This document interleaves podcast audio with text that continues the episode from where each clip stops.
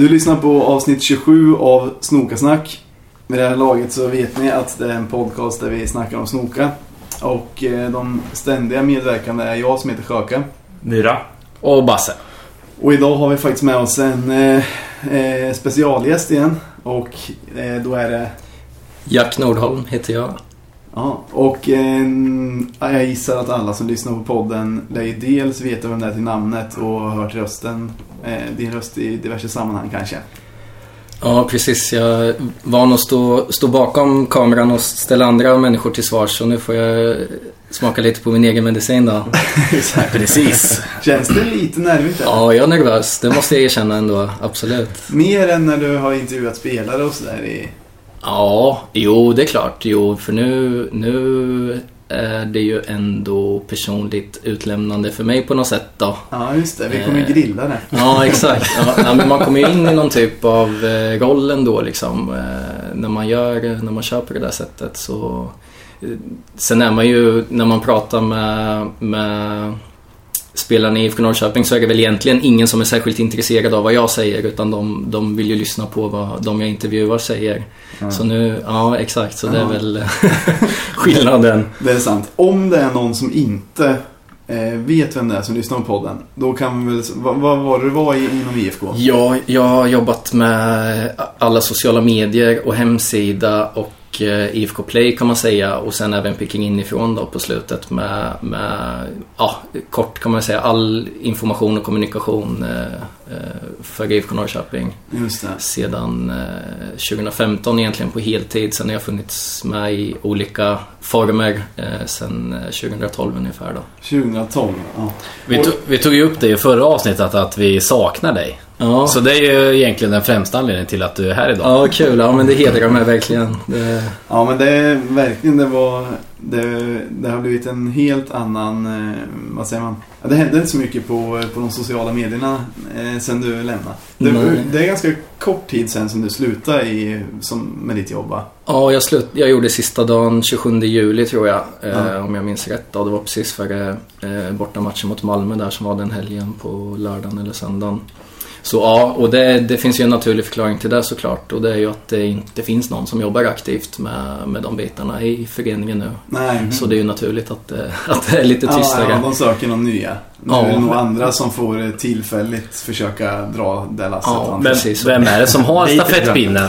För det är ändå någon som Ja, eh, jag vet. försöker lite där. Ja, jag vet inte exakt men, men, eh, men det är väl... Eh, nej men det ligger väl lite spritt på de som är kvar. Jag vet inte om jag... Jag vet inte exakt vem det är. Däremot så finns det ju en kille som heter Martin Lanemet som jobbar på Forza Fotboll som är företaget som, som har levererat Peking inifrån. Och han eh, dyker ju upp eh, med jämna mellanrum och kör lite intervjuer och sådär. Och sen har vi ju Jonas Nordholm som är min kusin som, som gör ett eh, enormt arbete runt all matchrapportering. Matchdagar kan man säga att det är han som, som styr där. Ja, okej, det har inte jag fattat innan faktiskt. Men han skriver på NT eller? Nej, han, han har gjort det tidigare. Han har jobbat på NT. Men han, skri, han skriver ju allt på, eller allt men eh, matchdagar, matchrapportering så sköter han eh, Okej. sociala kanaler och Men, men då är det mest att han skriver och så och inte liksom sköter videointervjuer och sånt? Matchrapporter och sen Ja. kör han picking inifrån kör han eh, intervjuer Ja, också. Okej, då. okej. Jag har inte fattat att, det- att det är en släkting till det. Ja, nej, kusiner. Ja, precis. Vi jobbar ihop i, i teamet på NT en gång i tiden och sen har vi hängt ihop i och åkt på väldigt många bortamatcher och, och bevakat IFK ihop då genom åren. Så Ja. det, det, Fan, det ja. måste ha varit ett drömjobb. Ja, verkligen. Verkligen. På väldigt många sätt ett, ett drömjobb.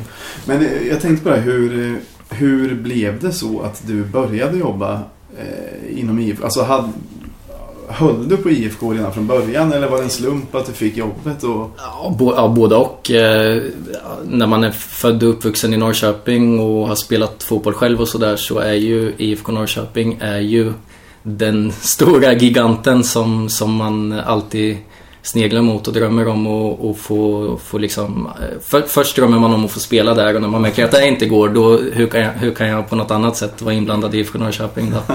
ja, men det började med när jag, jag, plugg, jag läste journalistik i Kalmar. Eh, och då var det faktiskt Jonas Nordholm som han ingick i en liten redaktionsgrupp som fanns då runt IFK som, som hade matchbevakning på olika sätt uppdelade mellan sig. Mm.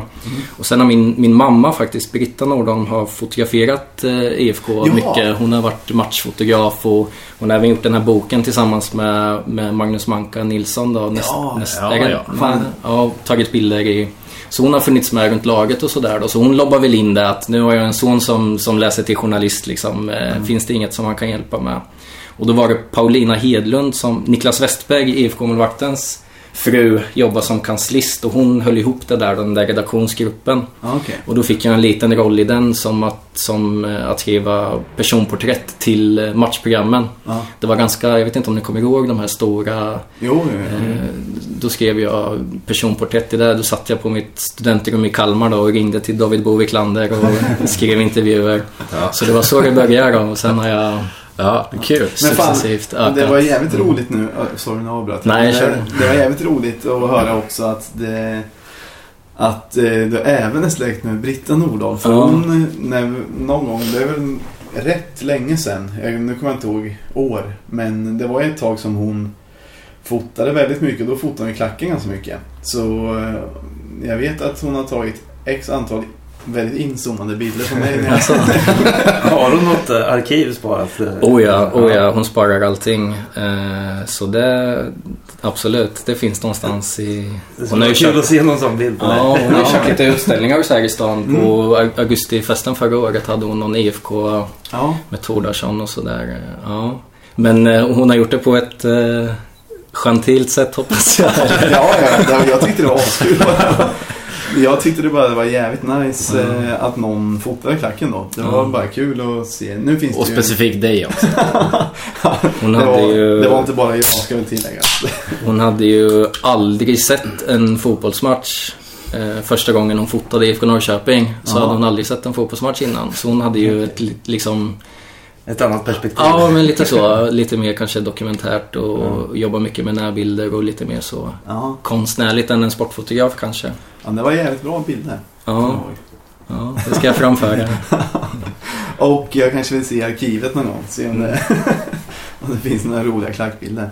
Kommer du ihåg något när du satt på studentrummet och ringde? Mm. Kommer du ihåg något speciellt samtal? Var det någon som var extra skön eller extra lustig? Jag vet inte, jag var nog jävligt nervös då. Men jag kommer ihåg att eh, det var ändå lite svårt att göra rätt på dem. Man fick ringa ganska många gånger och, och spela in meddelanden och skicka sms och sådär. Okej. Med alla utom en som var Telo då, som, som svarade direkt och var Han ringde nästan skön. dig eller? Nej, inte så. Ja, jäkligt tillmötesgående. Ja, Men han känns tillmötesgående. ja oh ja. För jag kommer ihåg när, eh, när Posse fyllde 30 eller någonting. Då antar jag att någon utav Posses kom. Alltså jag var där och firade på Broadway. Eh, eller Broadway. då hade väl någon eh, ringt till Telo typ Mm. och sagt att fan eh, klackledaren fyller år. Så då kom han och det, märks att han var ledaren som hade sagt, liksom bestämt att de skulle gå dit. Men de satt och drack bärs och spelade FIFA någonstans. Ja. Så kom typ han, eh, Telo och Totte och någon mer kom och så här gratta och mingla lite. Ja, och det kändes som att det var liksom ja. en trevlig grej som Telo ville göra liksom. Ja, det där tycker jag är så jäkla härligt ändå. Och det är där som är den här extra dimensionen när man har eh, ändå spelare som har den där typen av lokala förankring. Som jag vet om man går till Mamra och tittar på Assyriska till exempel så sitter David Mitov Nilsson där och kollar på sin polare liksom. Och Ja. Jag var på faktiskt eh, division 5-derbyt mellan Äsech och FC Derik i somras. Och då dyker Ken Sema upp där liksom och får kolla på. Det där är jäkligt fett ändå. Jag tycker Ja, det är härligt alltså. Det är jävligt härligt. Och nu har man ju hört lite Hela sommarperioden har man ju hört olika, liksom, någon som skriver på gnällbänken att eh, den och den och den och den, alltså gamla spelare typ Mm. Fransson har fikat med, ja, nej, jag kommer inte ens ihåg vilka det var nu, men det liksom, det verkar som att folk håller ihop. Fan så jobbigt att vara spelare om jag tänker in mig själv i den situationen. Ja men det är som alla kändisar, det får de ju ta. Att folk spionerar lite och eh, spekulerar och... Ja, jo. Så. Men jo, de, de känner sig nog lite uttittade fast samtidigt det känns som att de njuter av det. För jag menar, Mm. det är ju inte en gång man har sett... Alltså IFK-spelare har ju genom alla år varit ovanligt ofta på stan jämfört med andra, andra som bor i stan, tycker jag. Ja, Sitter jo, och fikar någonstans. Ja. Jag höll på otten också på den gamla goda tiden. ja, men på stans krogar har ju gått Ja. varma. Eh, deras kort för om åren. I, i, I dagens IFK-trupp, vem är det som eh, brinner mest, eller njuter mest av uppmärksamheten tror ni? Men det såg ut som att du ville se, som att Ja, Jack ville nej, säga. men, jag ville, men du förtydlig, förtydligade själv där att det var förr i tiden. Att De har ändå städat upp sig, eller städat upp sig, de killarna nu har ju aldrig varit, men det var ju mer så förr. Ja, ja, Ja. nu för tiden är alla jätteprofessionella. Jag Ja. ser aldrig någon... Nästan lite för professionella va? De, gången, de gångerna jag har sett folk på restauranger eller liksom halvklubbar på nätterna, då dricker de ju mineralvatten liksom. Mm. Det- Och är där med typ en flickvän eller någonting. Så, Eller så en maskerad GT. Men jag, jag kommer ihåg att det var lite blåsväder. Det kan inte ha varit så jättelänge sedan. Var det inte typ eh, Smedberg Dalense och Bobby Friberg och Astrid eller något som var ute på trädgården efter någon förlust? Kommer Jo. ihåg det eller? Ja, lite, men bara när jag hör... Egentligen kommer jag inte ihåg händelsen. Men bara när jag hör de namnen ihop så här, jo, de jag kan nog gå bra ikväll. Ja, jag satt och nickade bara när jag hörde de tre namnen. Men särskilt, man kan ju tänka sig att... Eh, vilka sa att det var? Bobby Friberg. Dalense. Och Astrid va? Jag har för mig var. Man kan ju tänka sig då att kanske Smedberg Dalense var lite, lite tveksam. Men Bobby Friberg såg inte alls problemet i det. Han bara, vadå? Varför inte? Och Astrid skiter i. Så. Ja, jo, ja, men det minns jag. Men som sagt, nu är det inte riktigt likadant så. Men, eh, ja. Det, det skulle vara kul. Alltså, du har ju... Du har ju jobbat ganska nära. Eller, vi vet ju inte egentligen hur ditt jobb har varit riktigt. Men när man har sett från Peking inifrån och sådär så får man ju uppfattningen om att du har eh, jobbat ganska nära spelarna ändå ibland och så har varit med på vissa träningar har man ju sett att du filmar på och så. Jag tänker nu har ju vi möjligheten att få anekdoter direkt från hästens mun så att säga. Jo men det där är väl något som har vuxit fram successivt också. Att, att mer och mer att man har kommit närmare och närmare på något sätt. Och det har ju varit jäkligt häftigt att få vara och få vara så nära och få vara med liksom på allting. Och lite där kom ju liksom Peking inifrån in i bilden för att på något sätt bli det fönstret ut emot liksom supporterna. Och för det, det är ju ganska häftiga och exklusiva miljöer. Alltså bara att vara i ett omklädningsrum med, med, med IFK Norrköping är ju coolt liksom. Så, och jag blev ju själv, jag tyckte ju själv att det var jävligt häftigt och då ville man ju på något sätt eh, ja, men kunna bjuda in alla som bryr sig om IFK eh, till, till de utrymmena på något sätt. Då, liksom. Så det där har väl, det har väl ökat successivt eh, skulle jag väl säga. Det har inte varit så från början att jag kom första dagen och liksom var med överallt. Nej, det Men det har ju vä- växt, växit på. Eh, Men när det gäller anekdoter så vet jag inte eh, vart man ska börja riktigt. Har det inte något, något så riktigt uppseendeväckande som folk inte vet om men som är preskriberat nu så att du kan nämna det? Osäkert. Men jag, alltså jag, tråkigt, men jag har ändå försökt hålla någon typ av eh, distans liksom till det där och försökt att respektera de utrymmena och när jag är med så har jag varit med i egenskap av liksom min yrkesroll och för att jag faktiskt har ett, någon typ av uppdrag där. Inte bara för att liksom själv få vara med och för att det är coolt. Så jag har ändå försökt att hålla distans till det på något sätt och, och göra det ändå opersonligt även om det självklart inte blir det. Mm. Men eh, ja, jag vet inte, den, den där är svår. Det är ju en jävligt bred fråga. Finns det några roliga anekdoter? Hur, ehm, vilka eh, fick du känslan av var så här dominerade i omklädningsrummet? Som var lite... Är de man tror? Det kan ju vara på ett bra sätt. Ja, men- Ja, Ja, inte då alltså dominera. Alltså, Håller låda Håller låda och och precis. lite... Ja, Jag tror, jag tror ni kan gissa dem eh, på rak arm. Tärning, tror jag. Ja, till exempel. Ja.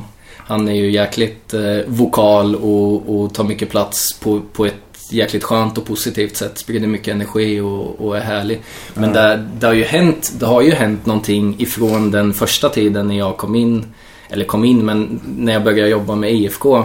Då fanns det ändå den här liksom ja, gamla skolan på något sätt. Även om IFK kanske var ett superettalag då så fanns det ändå någon typ av eh, distans och man på något sätt eh, ja, jag vet inte hur jag ska uttrycka det. Alltså, men... Menar du att det var någon hierarki typ? Ja, ja, verkligen. Ja, och det där har ju förändrats jäkligt mycket, jäkligt snabbt. Så IFK Norrköping idag är ju ett, eh, har ju en oerhört familjär Mm. miljö där bevisligen alla som kommer dit liksom fascineras över hur, eh, hur eh, kamratlig och, och till, alltså välkomnande miljön är där och alla trivs jävligt bra.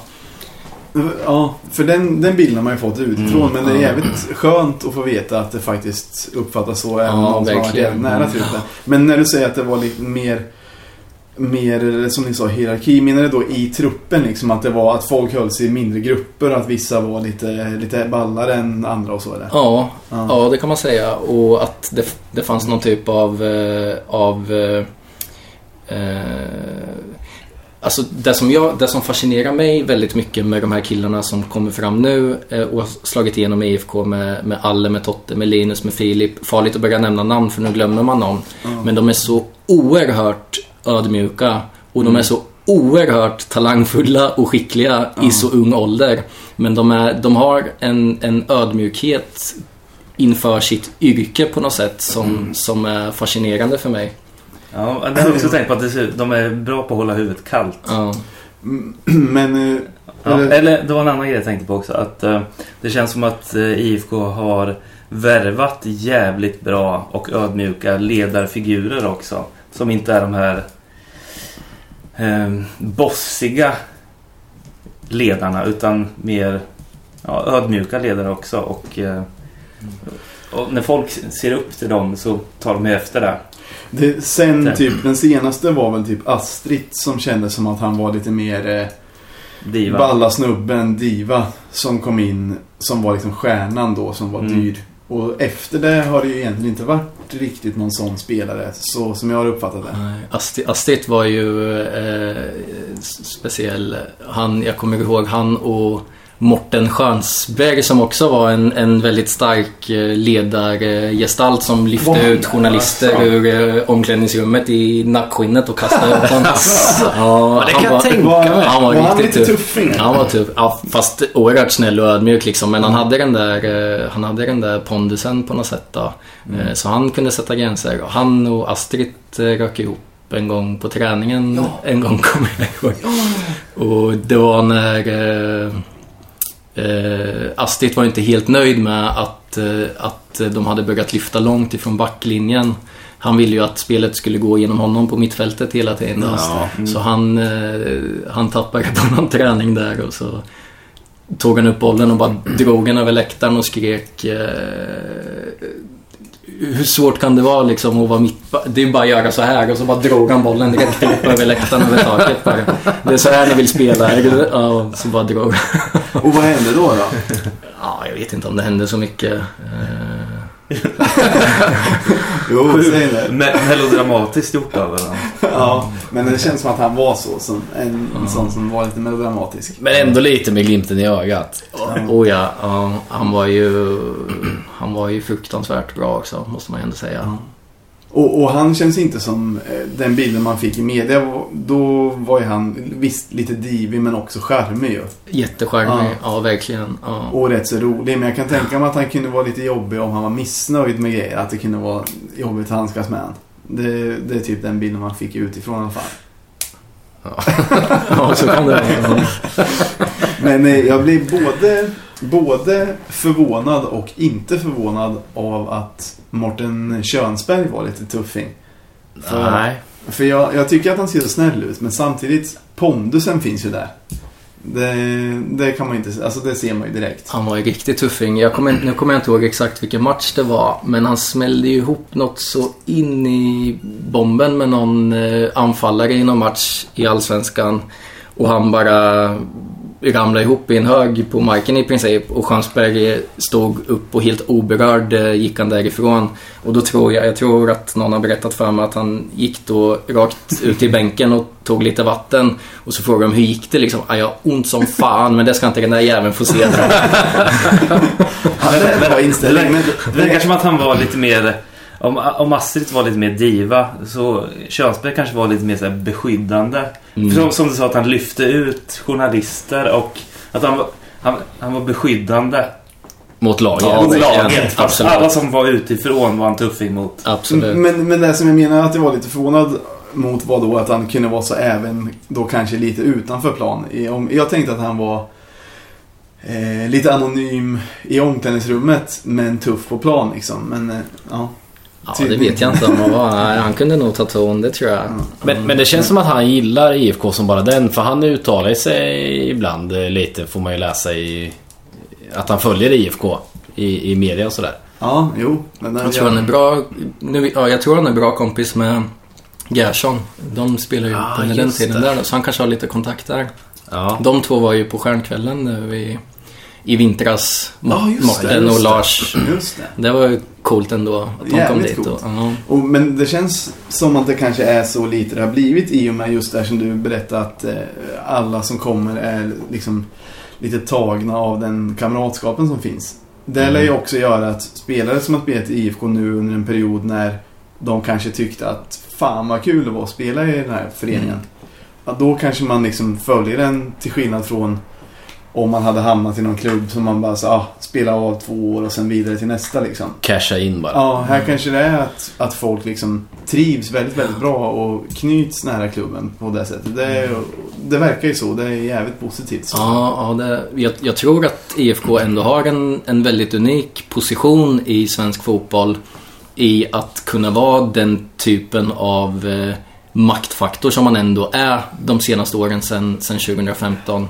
Men ändå kunna stå utanför lite den här liksom superhysterin som blir i, i eh, storstadsklubbarna som, som AIK, Hammarby och, och Malmö. Och där, fin- där finns det något, tror jag, som man, som man, måste, vara, som man måste värna lite om ändå för att kunna skapa den här miljön. Jag, Ja. tror, jag tror inte att det funkar någon annanstans riktigt, Nej, faktiskt. Det, det tror jag också. Det ska nog inte vara en allt för stor klubb för att det ska bli så.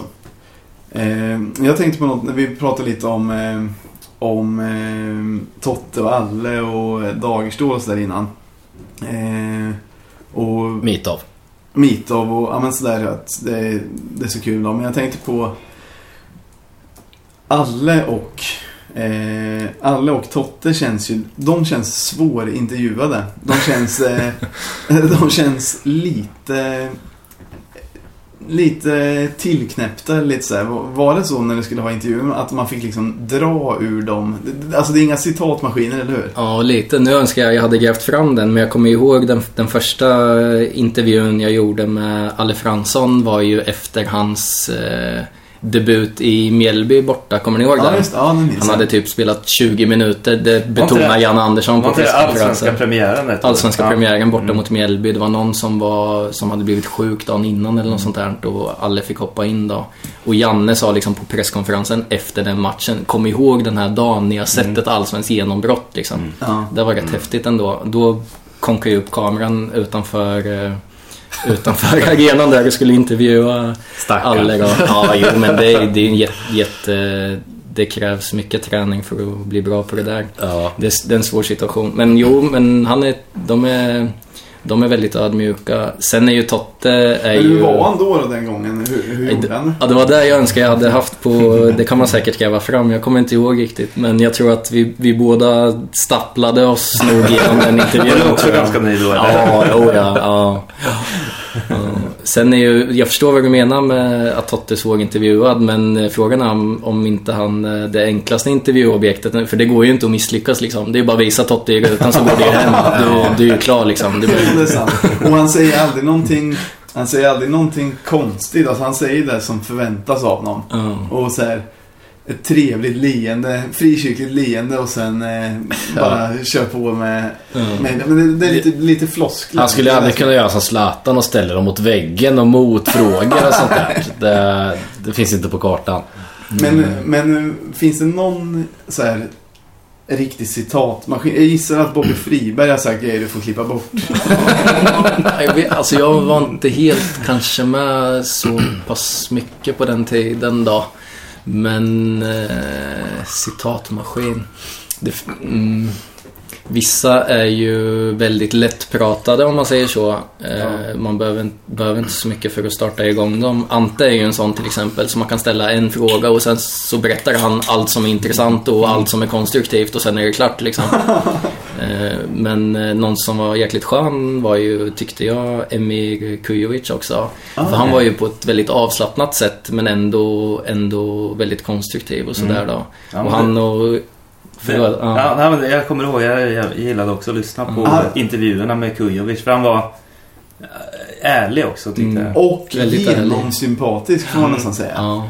Och han och Ravislavan Ja, hade jag tänkte lite- precis säga Ravislavan. Det var min nästa fråga. Ja, de hade ju ett roligt förhållande där. Ja. Ja, för han, eh, han känns också som en sån lite alltså, rolig person. Ja, Men, på vilket sätt hade de ett roligt förhållande, han och... eh, De var ju ganska bra kompisar, skojade mycket med varandra och drev med varandra och så fort jag skulle intervjua någon av dem så skulle den andra driva med dem. Jag kommer ihåg jag stod och intervjuade Emil någon gång och så kom eh, Ravislavan i bakgrunden och körde upp en sån här stav som man körde, ni vet, slalom igenom. Ja. Ja. Och körde upp den i ansiktet på mig så här har du en kurdisk mikrofon sa han. Det där var jävligt roligt. För jag kommer ihåg någon gång Tog var det... med dig i ett klipp? Ja, det finns För jag kommer ihåg att de försökte träffa varandra med bollar och sånt när de stod och blev intervjuade och sånt också. Ja, Ja, ja, just det. Det kommer jag också ihåg. ja, det var mycket sånt. Ehm, eh, men jag har tänkt på en grej med, med Emir också. Som, för det var från något gammalt klipp i um, Peking inifrån. Då var det när... Jag tror du införde något koncept som var att de skulle dra kort med frågor till varann. Ja, just det. Och sen, nej, nej, det kanske inte var att de skulle dra kort. Det kanske var att det ställdes frågor i appen eller någonting sånt. Ja, jag tror de drog eh, lappar ur en, ja, ja precis. Just det, och sen ja. kom det också frågor via de som tittade. Och då så tyckte jag att det verkade som att Nico nästan tyckte att Emir var lite elak mot honom. Ja, just det. Ja, just det, det har vi pratat- det har vi pratat ja, om, vi ja. pratade om det för många avsnitt sen. Men att det kom upp, eh, det var någon fråga liksom så här på lappen, typ vem bestämmer eller någonting. Och så blev det så att Nico sa så här, ja, han, han bestämmer nästan lite för mycket. Hade du en bild av att, hur var deras relation liksom utifrån det lilla... Eller, Emir och Nico? Ja. Nej, nej det, det har jag ingen bra uppfattning om. Vä- väldigt vänskapligt tror jag. De var nog väldigt bra kompisar. Det tror jag. Ja, okej.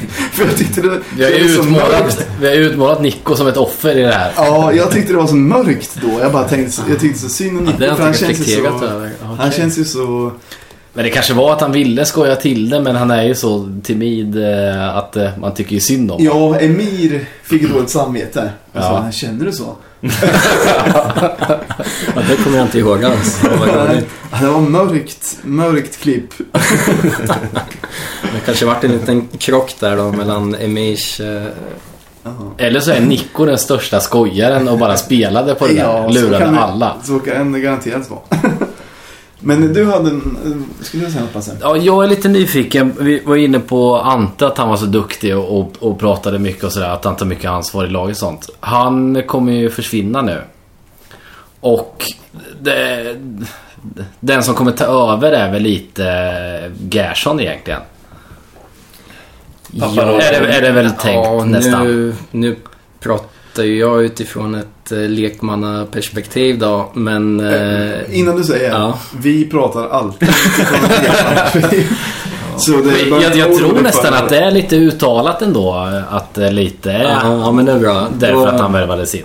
Jaha, du menar så? Okej, ja. Och, och då Eh, tänkte jag nästan lite, hur är han kontra, alltså pondusmässigt och att han liksom snackar med laget och Och lyfter du och... behöver absolut inte känna att du måste ha något färdigt svar här, utan bara så här hur du uppfattar det. Ja, precis. Nej, men jag, jag, som jag tycker ändå att frågan är lite orättvis. Jag, både, alltså jag tycker inte att man ska... Jag tycker man ska försöka undvika att jämföra spelare och personer på det där sättet. Och säga att någon ska ta över Antes roll. Det blir en jävligt stor mantel att axla. Han är pappa med stor T. Och det blir lite orättvist mot Ante också att hans eh, legacy på något sätt alltid ska jämföras med nästa person som tar vid. Jag tycker man ska... Ja men det kan, ju, ska- det kan ju vara på ett det- annorlunda sätt men Ja. det, alltså, det behöver inte vara att han ska göra exakt samma grej. Nej, det, Men det lite- Och orättvist mot Ante kanske inte blir för han, om han om det nya ska jämföras med honom i ett team kommer Ante alltid vara störst.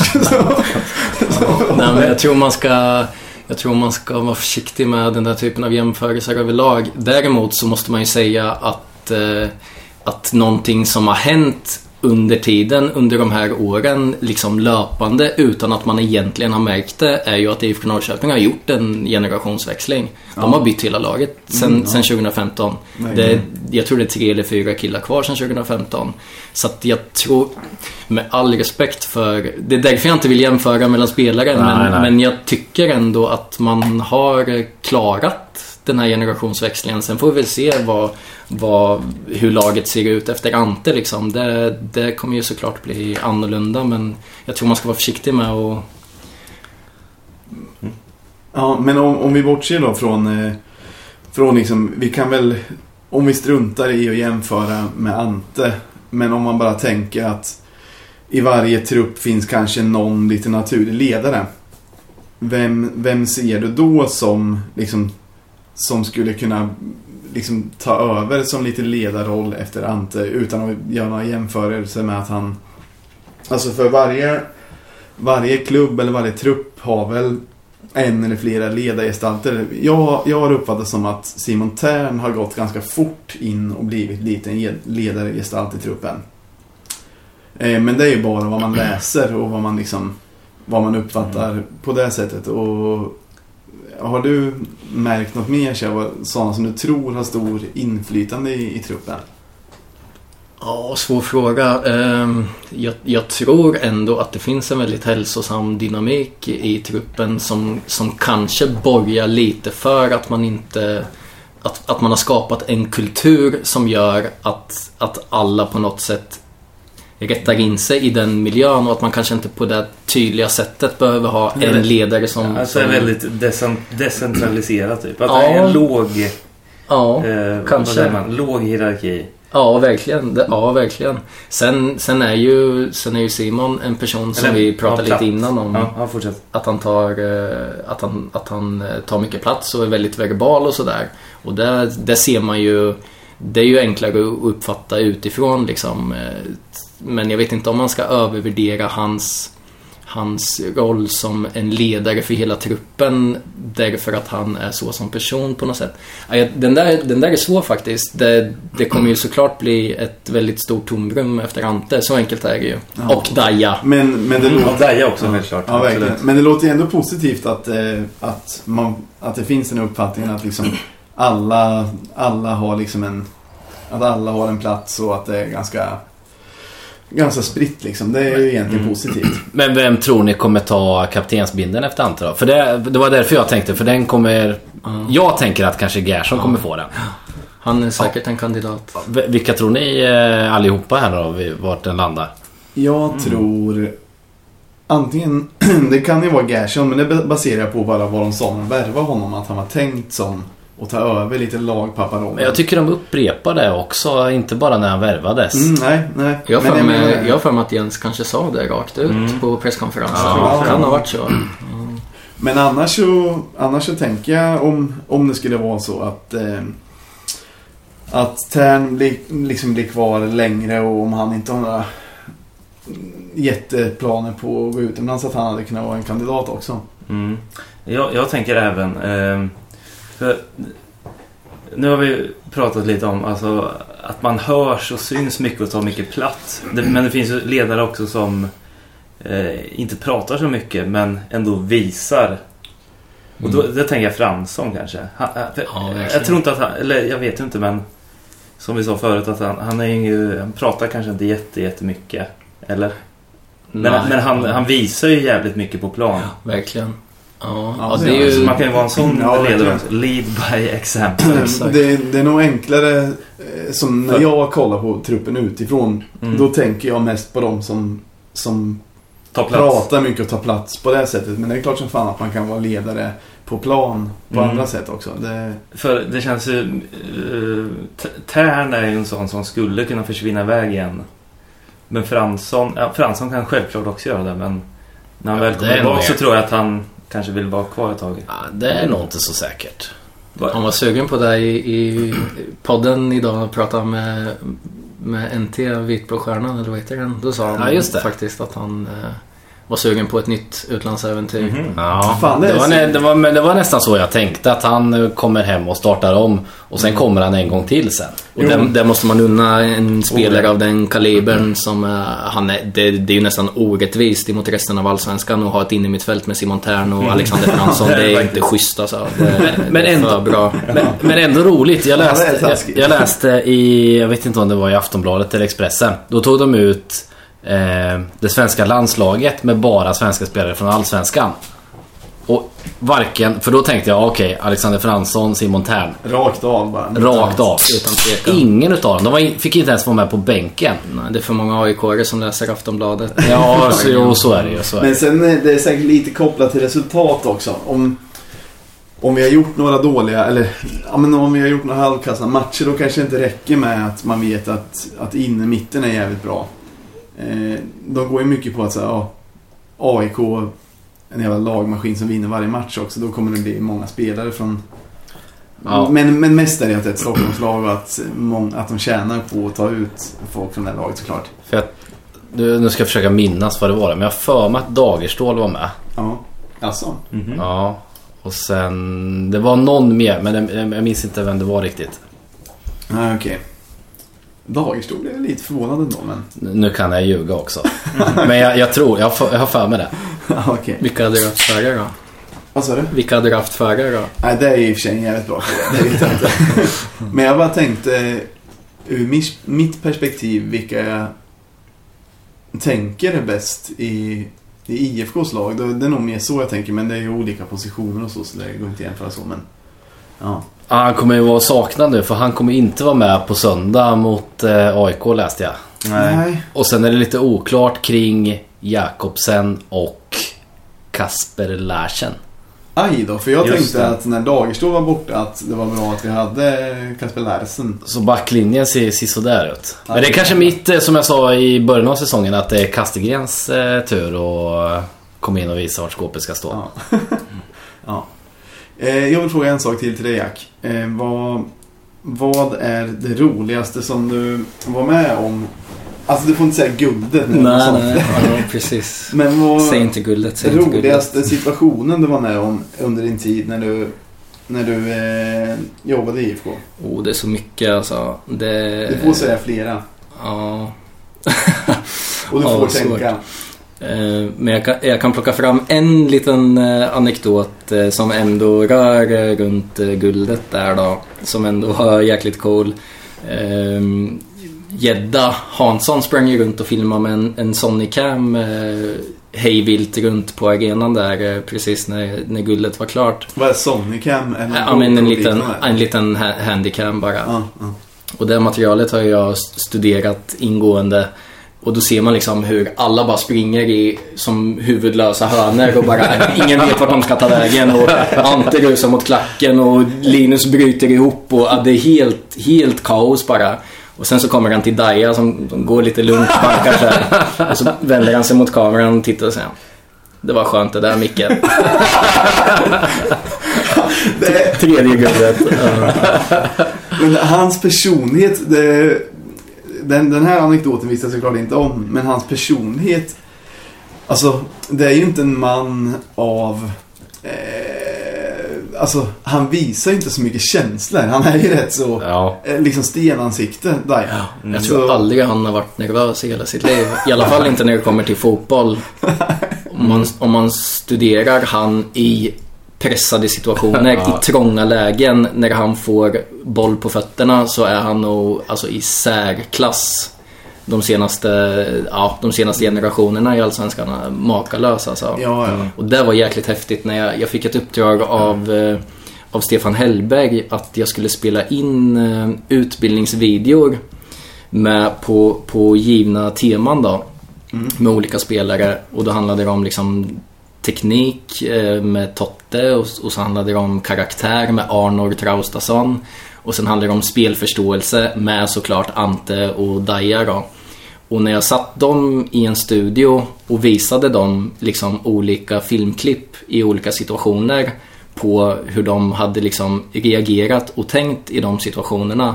Det var jäkligt häftigt att, lyst- att komma in i deras fotbollshjärna liksom. Ja, Så mycket som försiggår där som man in- inte ens kan uppfatta. Eh, och, och just samspelet dem emellan, hur de... Eh, liksom en, en hård passning på vänster fot, det betyder att du ska vända upp. Och en lös passning på höger fot betyder att du måste komma och möta och slå en kort passning. Och hela den här dynamiken emellan dem. Snudd liksom, på telepati nästan. telepati, med, fast att visa med fotbollen Ja. och inte med något annat liksom. Och att ha den totala förståelsen för hur den andra tänker och, och agerar. Mm. Och att de hade ett färdigt svar. Och inte bara ett svar utan liksom en hel tankekedja med vad leder den här situationen till? Alltså det är schack, det, man säger ju att fotbollen är de, de gröna fältens schack, eller vad säger man? Ja. Och de två spelarna personifierar ju det på ett väldigt häftigt sätt alltså. Så det var verkligen en, en ögonöppnare för mig. Och dagen efter så tror jag jag anmälde mig till eh, en tränarkurs, C-kurs i fotboll. Bara för jag, jag måste lära mig mer om det här liksom. Ja. Ja, fan, det var häftigt. Ja, Ja, verkligen. Men man kan tänka sig att de är ju... Det känns som att de verkligen liksom gillar Mm. liksom den typen av teorier, liksom tänka kring det. Tänker Ja. fotboll ja, Mm, på, ett, på ett sätt som är tre steg före hela tiden. Att Mm. För att få en förflyttning på den backen så måste den passen komma för att öppna den ytan där och sen hela tiden alltså. Men det ser man ju också på hur bra de har klarat att spela på hög nivå trots att de börjar bli lite äldre. Ja, Eftersom att de verkligen. alltid tänker steget före. Då behöver de kanske inte vara lika snabba som någon annan. Ja, jag satt all... Ja, förlåt. Ja, och att nästan alla eh, som har spelat i IFK, när de får frågan Vem är den bästa fotbollsspelaren du har spelat med? Då är det ju alltid Ante Johansson. Mm. Och om det är vem är den bästa spelaren du har mött. De som har mött Ante Johansson. Ante Johansson. Ja, det var häftigt. När, nu har ju inte Daja spelat så mycket i år, men jag satt alltid och kollade på när de två eh, spelade och hur de liksom rörde sig runt eh, sin markering för att hela tiden vara, vara spelbara och flytta sig hela tiden. Eh, ett majestätiskt ändå, alltså. Jäkligt häftigt. Ja, det, ja men de är otroliga alltså. Jag, jag såg nu, Ante Johansson skulle börja någon tränarutbildning nu. Mm. Han kommer ju bli så jävla bra på det. Ja. Tänk om han kan ta över eh, som tränare i, Ja, i IFK. Jag tänkte också det, men det känns väl kanske, eftersom han flyttat till Halmstad nu och... Ja. Ja, de kanske inte vill bo här. Men det hade ju varit så jävla fett om han hade kunnat bli... Ja, han får ju gå i Jannes och, och Jens, Jensas fotspår. De har ju Mm. båda Ja, börjat i Halmstad, så just det är ju det. perfekt. Fan vad nice det skulle vara. Han, han tränar upp sig Ja, fem upp år. lite där ja. Tar upp Halmstad kanske till Allsvenskan och sen hoppar han över Mm. tillbaks till Norrköping. Och han har, han har nog fått lite eh, det bästa ifrån två världar där på något sätt med Jannes typ av eh, alltså konturer och, eh, och eh, tydliga roller och sen Jensas liksom totala fullständiga dynamik på något sätt där alla liksom härjar fritt. Mm. Så det kan man kombinera de två skolorna så kan det nog bli rätt häftigt. Det är sant. Vi kanske kan, nu kan vi lika gärna prata om det. Jens har fått förlängt. Och förra avsnittet så såg jag honom ganska grovt. Men eh, när, när det beskedet väl kom, då var det några dagar senare och jag hade lugnat ner mig lite. Och dels så kommer jag ihåg att så här, när vi blev, inte intervjuade, men när vi fick svara på frågor från kamraterna.net, den bloggen, som Mm. är jävligt bra för övrigt. Då så kommer jag ihåg att jag skrev någonting i stil med att jag tror att Jensa kommer få fortsatt förtroende även om vi inte tar topp tre och även om det inte går jättebra. För att jag trodde att Hunt hade förtroende för honom. Så jag var ju inte egentligen något förvånad när han fick förlängt även om för liksom när vi pratade då, då kände jag att han kan inte få förlängt. Det är för dåligt. Det, men, men bara några dagar senare så tänkte jag att ah, det är ungefär så som jag trodde att det ska bli. Och när man tänker på det lite mer rationellt så är det ju han kanske inte har fått ut 100% över, hela tiden över tid. Men alltså vissa matcher har varit jävligt bra också. Mm. Fast det är mycket begärt att han ska ha fått ut 100%. Det har varit en exceptionell situation för IFK Norrköping. Efter, eh, efter SM-guldet har det varit en otrolig spelaromsättning. Egentligen liksom konstant sen, sen Jens tog över. Exakt, och det kanske är lite där jag ville krypa till korset. Att det är ganska hårt så som jag var förra gången. Men det, alltså, så kände jag ju då också. Får- Men, men jag menar att så här, fan, stund, periodvis, så har IFK spelat jävligt bra under Jensa. Och om han bara kan få, om han liksom, nu får han tre år till, hur lång tid fick han? Om han får tid på sig, särskilt om det blir lite mer kontinuitet i spelartruppen, då kanske han kan få, få liksom igång och när det är som bäst så är IFK jävligt bra. Och kan han hålla det så, vi- så vi- skulle det vara svinbra liksom. Vi pratade ju om det när, när Janne slutade och sa Mm. alltså, den som tar det här jobbet. Fy fan så otacksamt. Det går knappt att vinna. Nej. Även om, även om han skulle ta guld året efter också. Så, så får ju liksom Janne... Det, det, det, det, är nästan att Janne får cred för det också. Precis. Så att det är ju Att sjukt han bara har otacksamt. Jannes eh. Alltså han kan knappt gå plus på det när han tog det jobbet. På tal om det, jag har förberett en liten grej. Får jag spela upp, får jag spela upp en grej för er? Ja, verkligen. Hemskt gärna. Klockrent.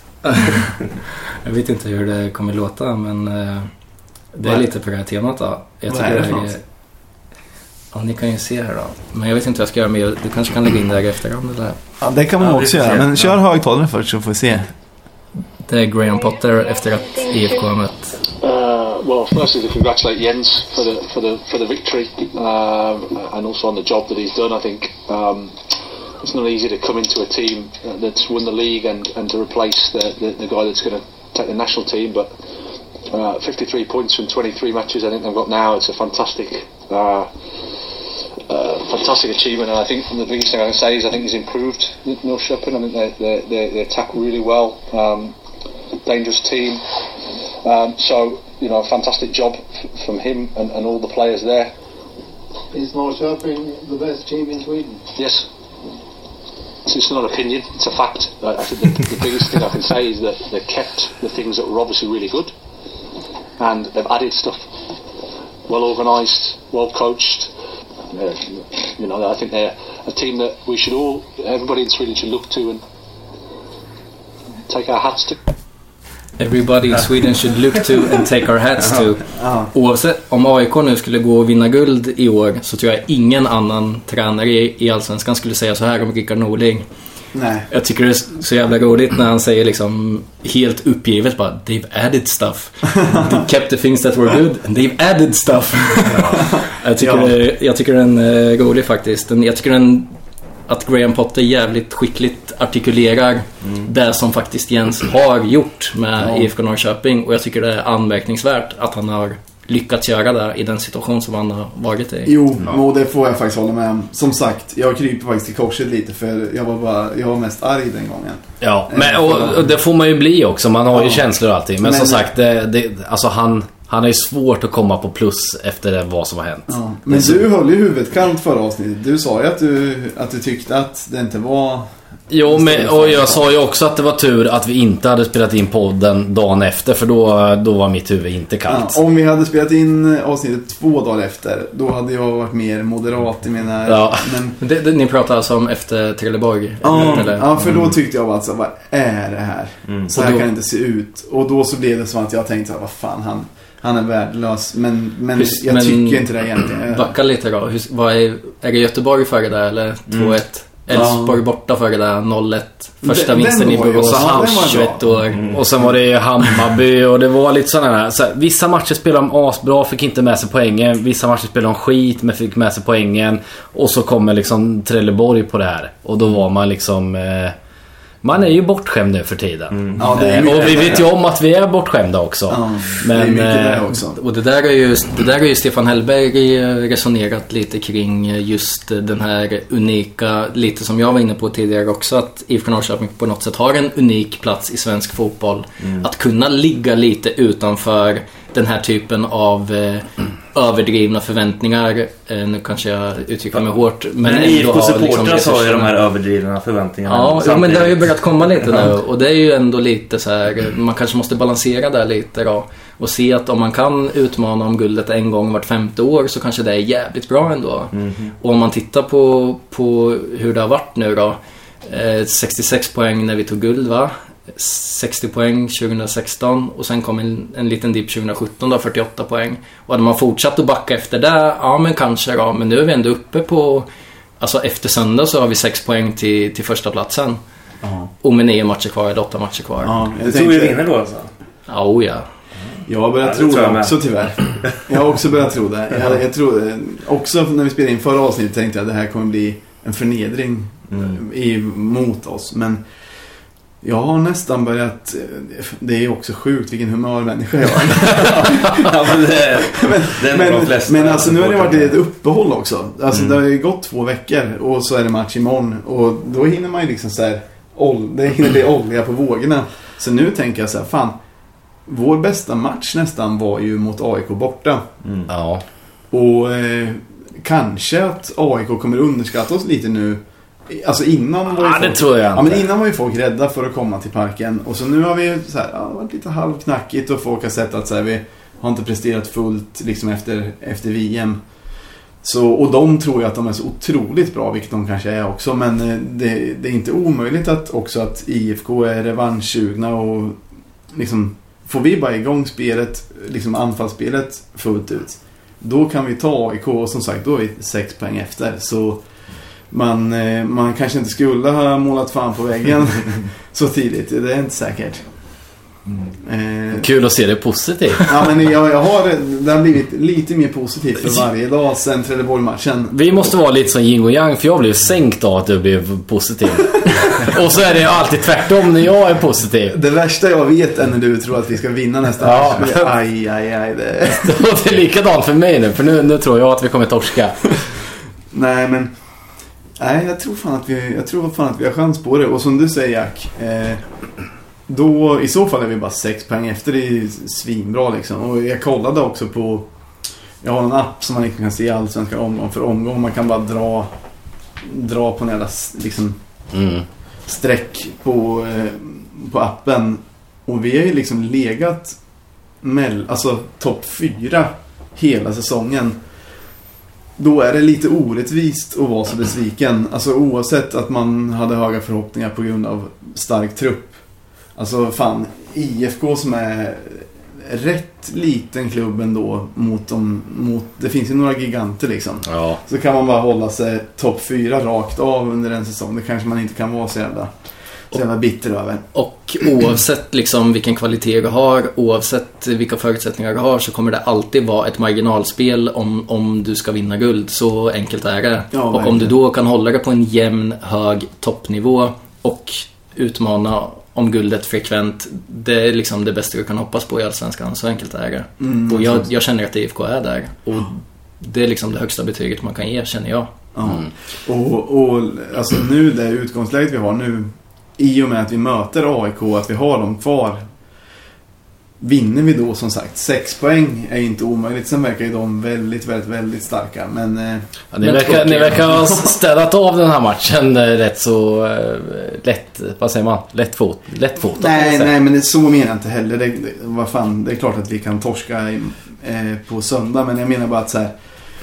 Den, den besvikelsen som jag kände efter Trelleborgsmatchen och kanske lite efter Göteborgsmatchen trots att det blir tre poäng.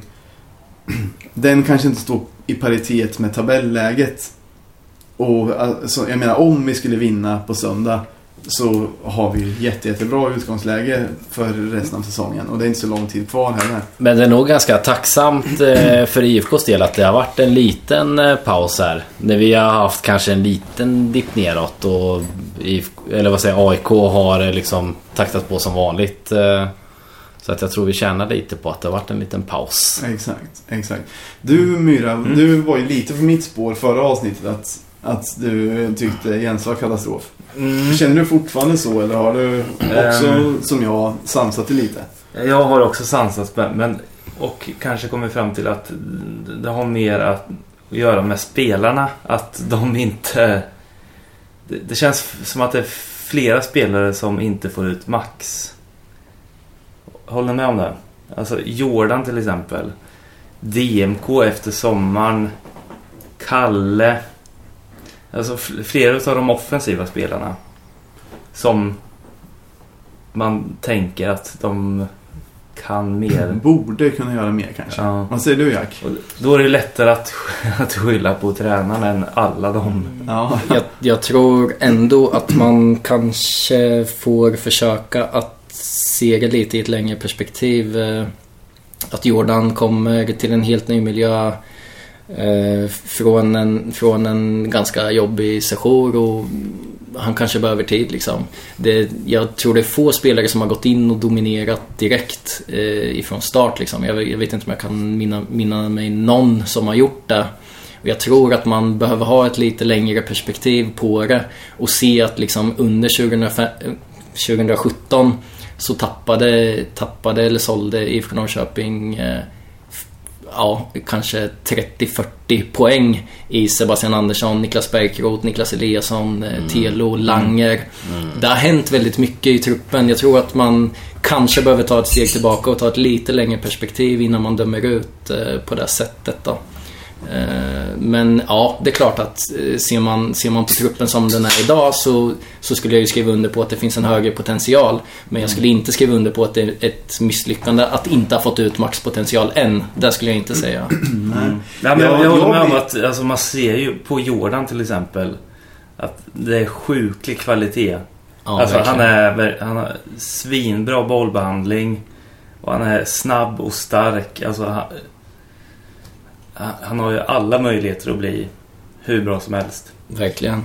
Och där, där har ju Jens har ju fått lite det här beteendevetar-epitetet och det är människan mm. först och mm. sådär. Men egentligen var det ju Janne som, som, eller egentligen, men han hade ju också det här perspektivet mm. på att det är människor vi jobbar med.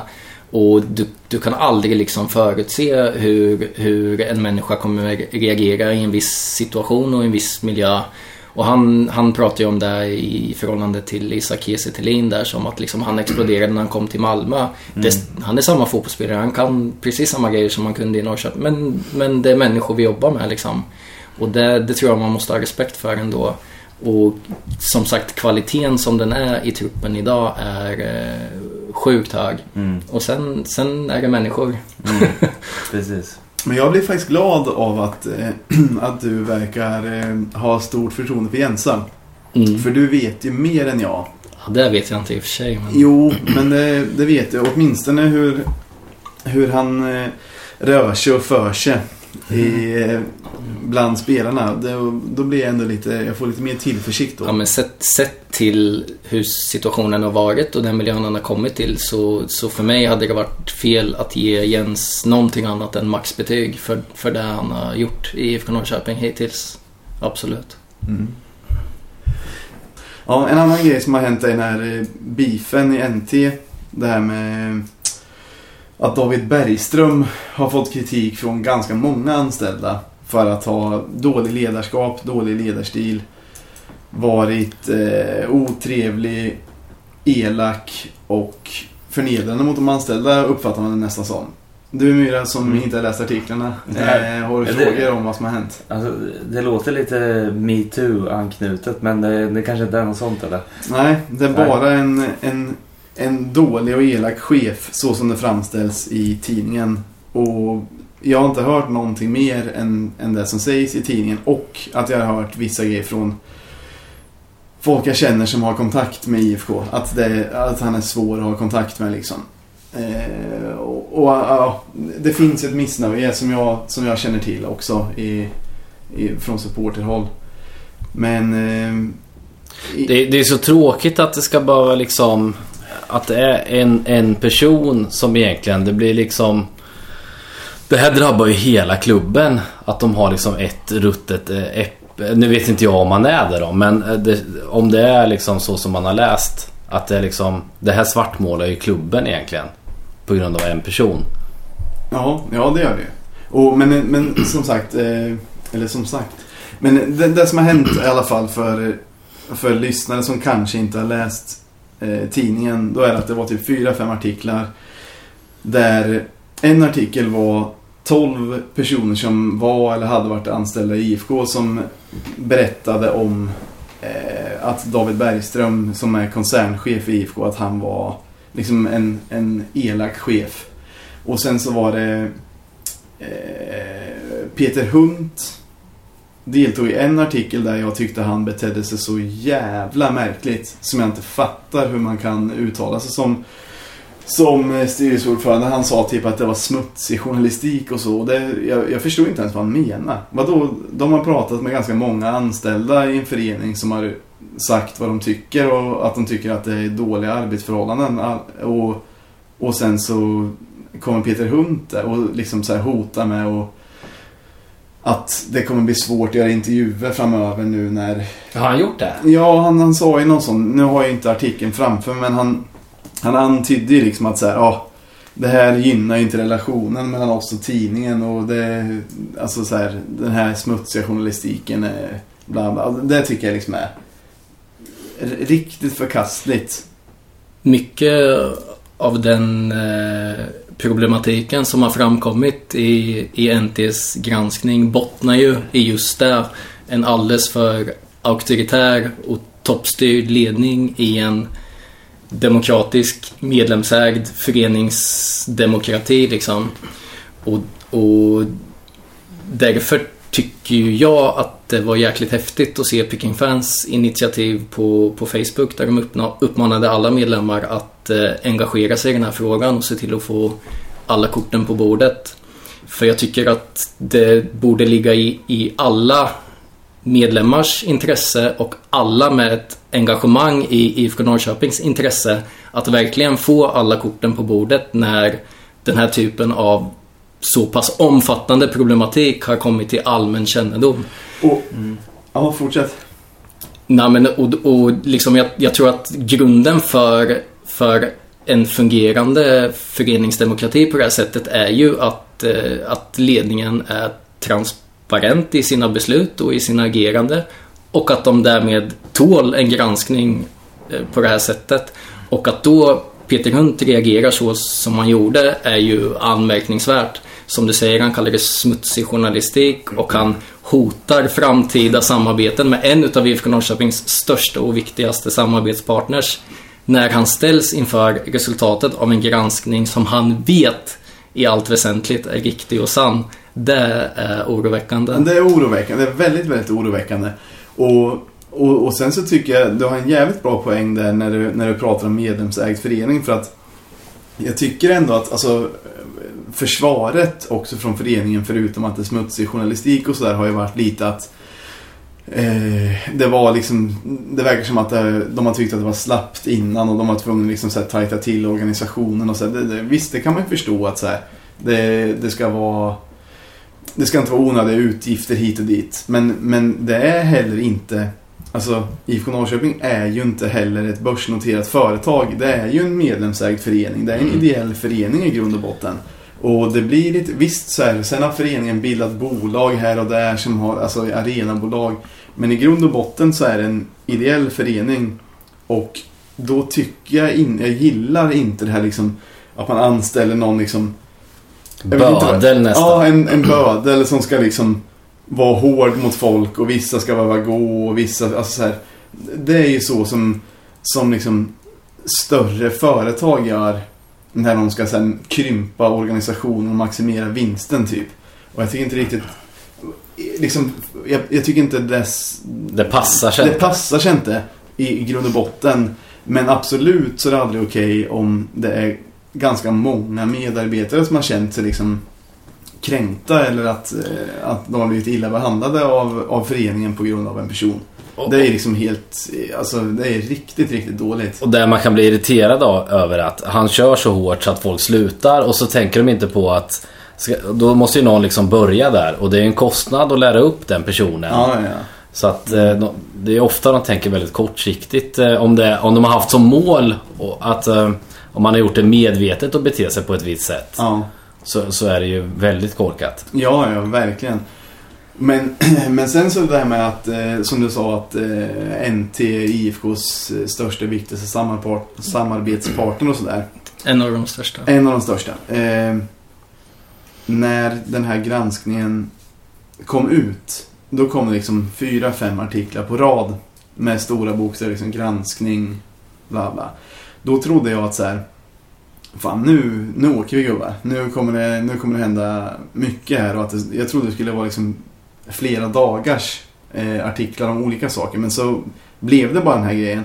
Och jag är lite orolig att det är för, först blev jag förvånad att NT överhuvudtaget vågade granska IFK överhuvudtaget. För de har alltid framstått som Ja. lite rädda för det. Ja. Eftersom att de är beroende av att IFK ger intervjuer och sådär. Så jag blev förvånad över de första artiklarna.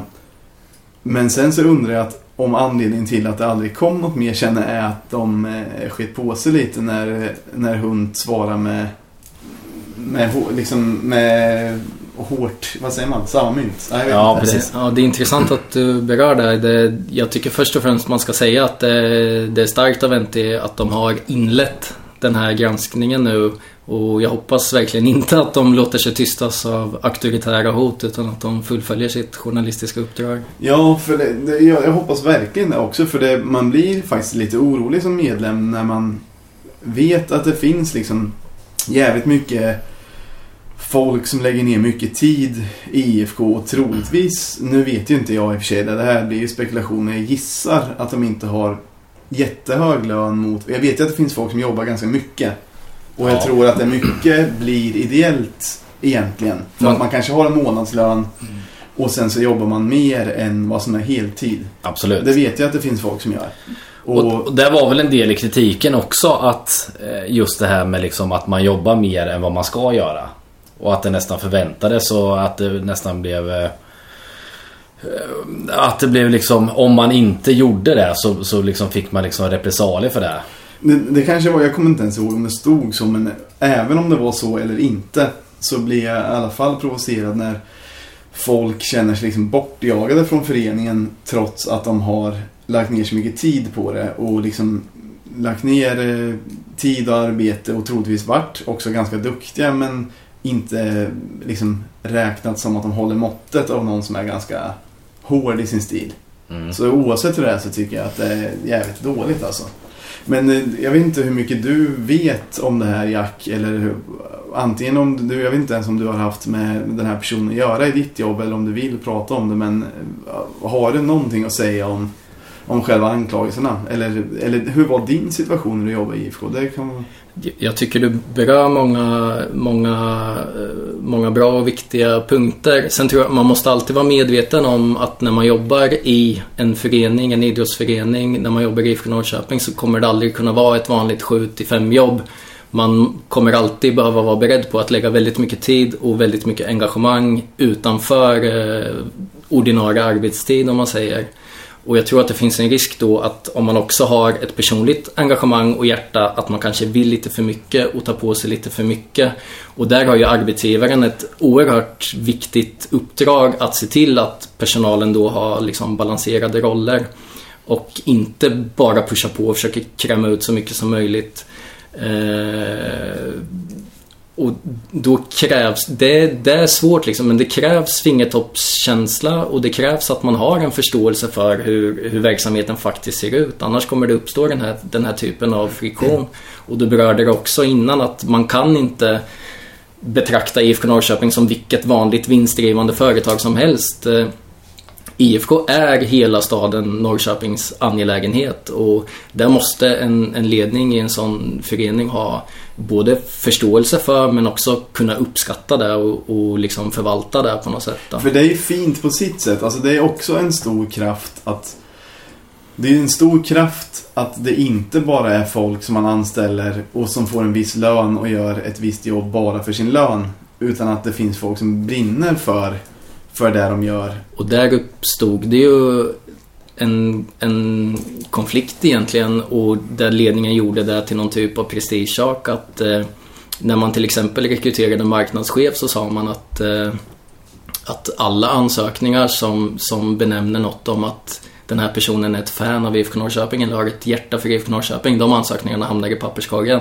För då kunde man inte vara professionell nog, tyckte man. Är det här sant? Ja, och då, då har man inte riktigt rätt bild av vad det är för verksamhet man, man vill bedriva, är min uppfattning. Det där är ju helt bisarrt. Alltså det där är typ det sämsta jag kunde få höra.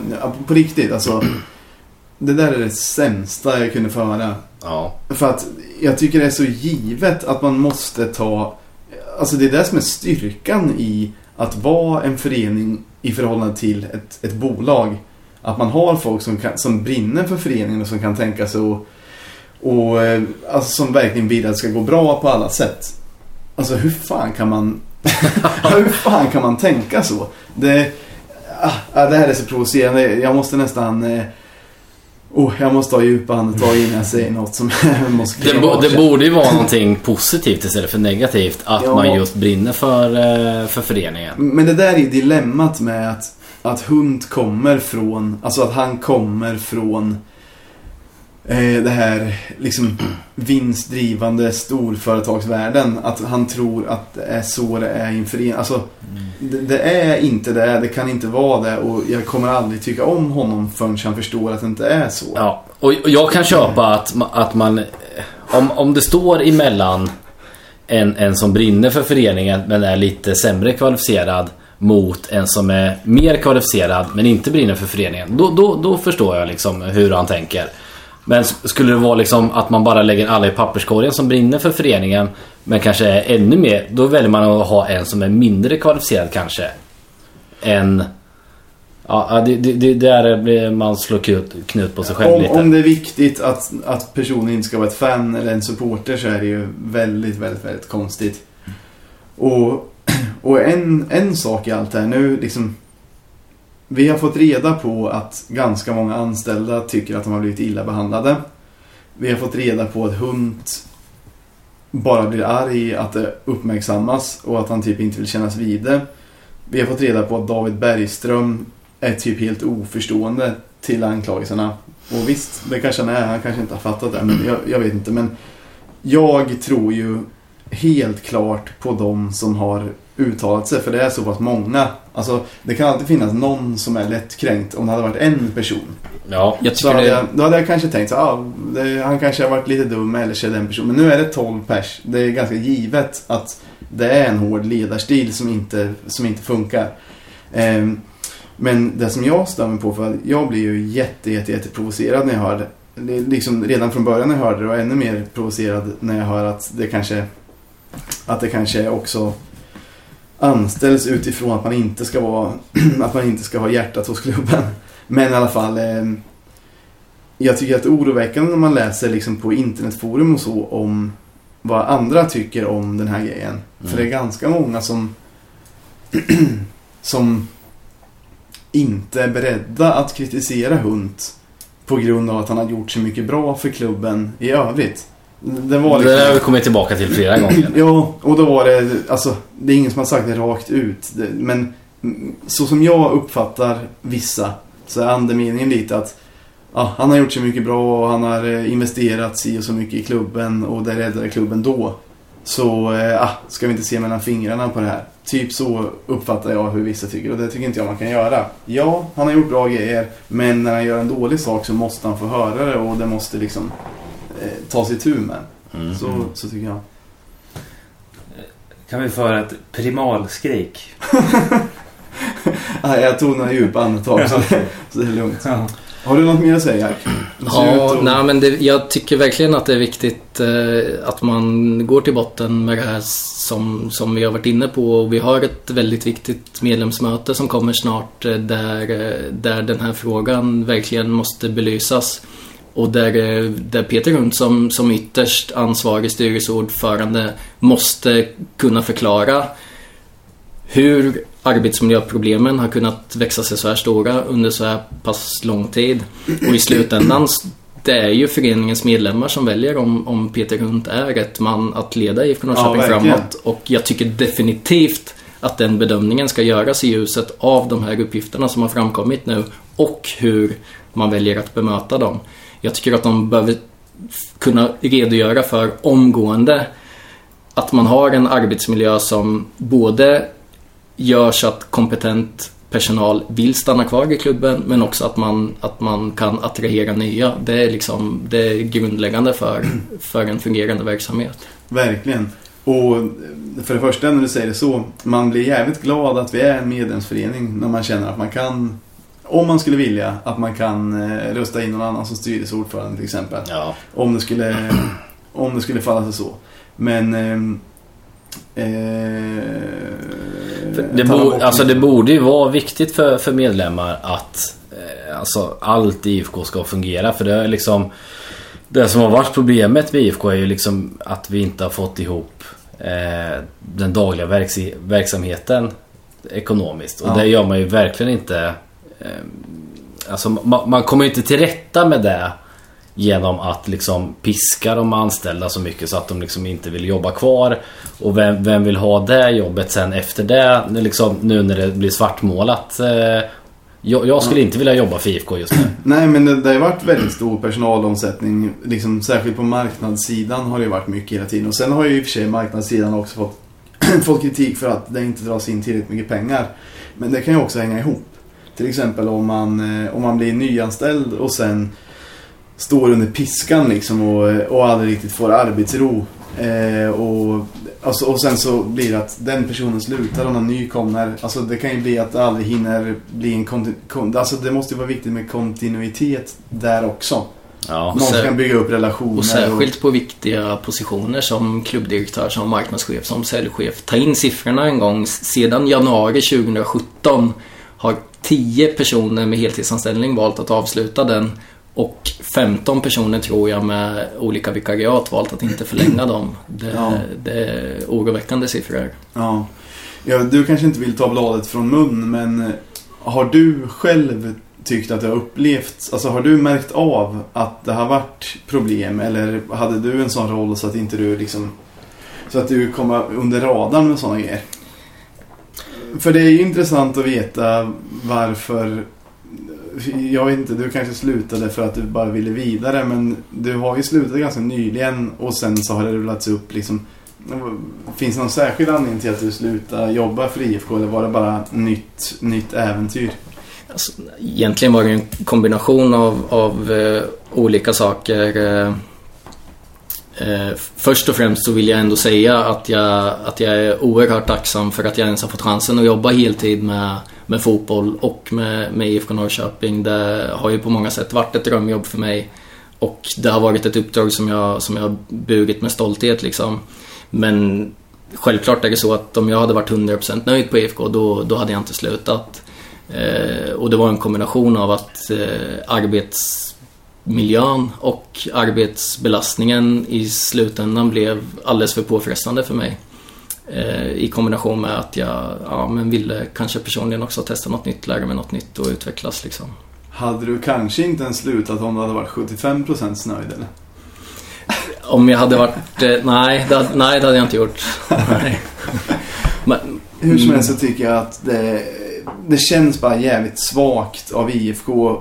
Alltså, det känns som att de, alltså IFK måste ta större personalansvar och jag, alltså så här, det kan inte vara så att 12 pers eh, går ut och liksom tycker att de har blivit illa behandlade. Det där måste man lösa och som sagt, medlemsstyrd förening som det borde vara liksom drägliga arbetsvillkor. Ja, man vill ju vara stolt för allting IFK gör. Ja, och jag hoppas att NT fortsätter granska lite. Jag tycker inte det är okej att, eller nu vill jag inte skylla på NT så, men jag tycker inte det är okej av Peter Hunt att liksom hota med att det ska bli svårare att intervjua spelare som det typ underförstått är.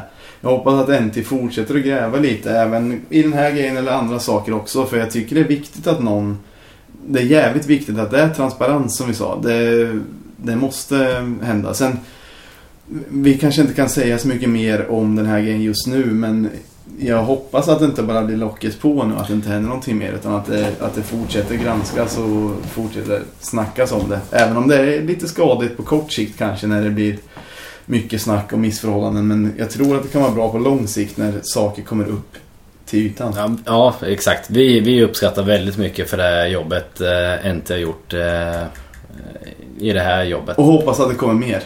Det man vill se ifrån, eh, ifrån IFK Norrköpings ledning nu är ju någon typ av indikation på att man eh, har, någon form av självinsikt och någon form av ödmjukhet inför de här uppgifterna som har kommit fram och att man, att man vågar bemöta dem på ett korrekt sätt. Ja, där kommer du inte få det. det kan jag säga direkt. Ja, men eller hur? De, de sticker ut i sanden och nästan pekar fuck you också till de som frågar om det. Så Det, det är den känslan man får och det är den känslan som är väldigt oroväckande. Ja. Och här har ju medlemmarna i IFK Norrköping eh, faktiskt ett väldigt tungt ansvar som vilar på deras axlar att, eh, att faktiskt eh, ställa dem till svars nu. jag håller med. Jag håller med. Och med de orden kanske vi ska avsluta. Eh, däremot kan jag säga att eh, när vi började det här avsnittet, eller innan avsnittet, så hade vi storslagna planer på att eh, öppna slussarna. vi skulle öppna telefonslussarna för lyssnare som ville ringa in och prata men jag hade till och med köpt ett kontantkort för ändamålet. Men eh, En burner. Ja, Myra hade en burner, jag hade ett kontantkort. Men sen så råkade vi... Det finns ju tre nivåer. Det finns ju nano, mini och normalt simkort. Så jag tog ut nano-simkortet. Det visade sig att Myras telefon krävde ett en mini-simkort. Så han petade in simkortet och det gick inte att använda det. Och Myras telefon är fimpad och det blir ingen...